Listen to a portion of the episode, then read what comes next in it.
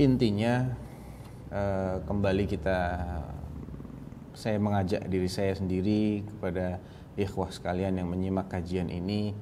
Mumpung kita masih di bulan Maulid ya di bulan kelahiran Rasulullah SAW dan masih hangat-hangatnya uh, seluruh kaum muslimin di dunia ini menampakkan kecemburuan mereka terhadap nabi mereka. Maksudnya tidak terimanya kaum muslimin dengan penghinaan dan pelecehan orang-orang kafir kepada Rasulullah mari kita uh, gunakan momentum ini sebagai energi yang positif.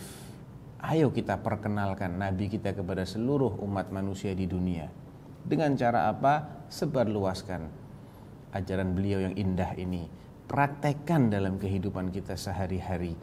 Amalkan dia. Tunjukkan kalau kita ini mencintai Rasulullah sepenuh hati bukan di lisan saja. Boykot ideologinya orang-orang kafir Adapun produknya yang halal yang mubah, Allah nggak pernah mengharamkan, kita nggak usah mengharamkan. Yang mau boykot silahkan.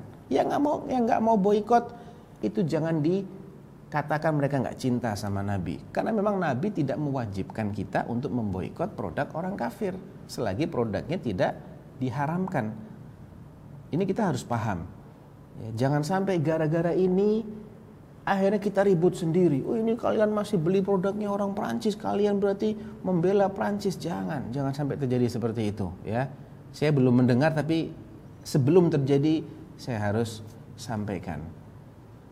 Syekh Ibnu Utsaimin rahimahullah pernah ditanya dulu ketika beliau masih hidup ditanya tentang bagaimana ya Syekh tentang hukum memboikot produk-produknya Amerika. Jawaban beliau sederhana, khudh ma ahallallah watruk ma haramallah selagi Allah menghalalkan ambil aja pakai manfaatkan. Yang perlu diboikot adalah yang Allah haramkan. Dan yang Allah haramkan yang paling besar apa? Syirik. Kekufuran. Itu yang paling besar yang Allah haramkan. Nomor dua nomor tiganya dosa-dosa besar. Ideologi-ideologi mereka pola tingkahnya orang kafir itu semuanya haram untuk kita tiru, itu yang kita boykot sejatinya itu. Dan yang paling membuat mereka itu geram, paling membuat mereka itu jengkel adalah kalau kita ini semakin islami. Itu yang membuat mereka itu gigit jari, yang membuat mereka itu kesal luar biasa. Yang membuat mereka itu bangkrut itu kalau mereka tidak berhasil memurtadkan dan menjauhkan kaum muslimin dari Islam. Apa kata Allah di surat Al-Anfal? Innal ladzina kafaru yunfiquna amwalahum liyasuddu an sabilillah fasayunfiqunaha thumma takunu alaihim hasratan thumma yughlabun walladzina kafaru ila jahannam yuhsyarun Sesungguhnya orang-orang yang kafir itu yunfiqun pakai fi'il mudhari senantiasa membelanjakan amwalahum bukan sebagian tok. Banyak harta mereka mereka belanjakan. Buat apa? Liyasuddu an sabilillah. Untuk menghalang-halangi manusia dari mengikuti jalan Allah. Menghalang-halangi bangsanya, menghalang-halangi orang lain yang belum tersentuh oleh dakwah ini agar tidak mengikuti dakwah Islam.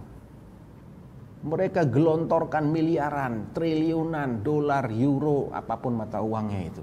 Mereka gunakan Eh, sosial media, mereka gunakan majalah, mereka gunakan buku, aplikasi, televisi, radio, semuanya mereka kerahkan agar manusia tidak mengikuti jalan Allah. Fasayunfiquna dan mereka benar-benar akan membelanjakan harta mereka itu lagi. Tapi ujung-ujungnya apa? Thumma takunu alaihim hasratan thumma yughlabun itu semua hanya melahirkan penyesalan dan mereka kalah. Coba kita renungi. Kalah kaitannya dengan dakwah itu bagaimana? Kalah perang? Bukan. Kalah yang hubungnya dengan dakwah artinya ajakan mereka, upaya mereka nggak berhasil. Berarti mereka kalah. Apalagi kalau upaya mereka justru menghasilkan yang Sebaliknya, ini super kalah namanya. Thumma takunu alaihim hasah. Mereka kesel, apa nyesel. Aduh, udah banyak uang kita gelontorkan, ternyata orang-orang malah semakin cinta sama Rasul. Ternyata semua orang malah semakin akrab dengan ajaran Islam yang sebenarnya. Padahal maksudnya dia supaya orang-orang ini menjauhi Islam. Nah, itulah cara yang paling baik untuk membela Rasulullah Sallallahu Alaihi Wasallam. Barakallahu fikum. Mungkin itu sebagai penutup wallahu taala alam wa sallallahu ala nabiyyina Muhammadin wa ala alihi wa sahbihi wasallam assalamualaikum warahmatullahi wabarakatuh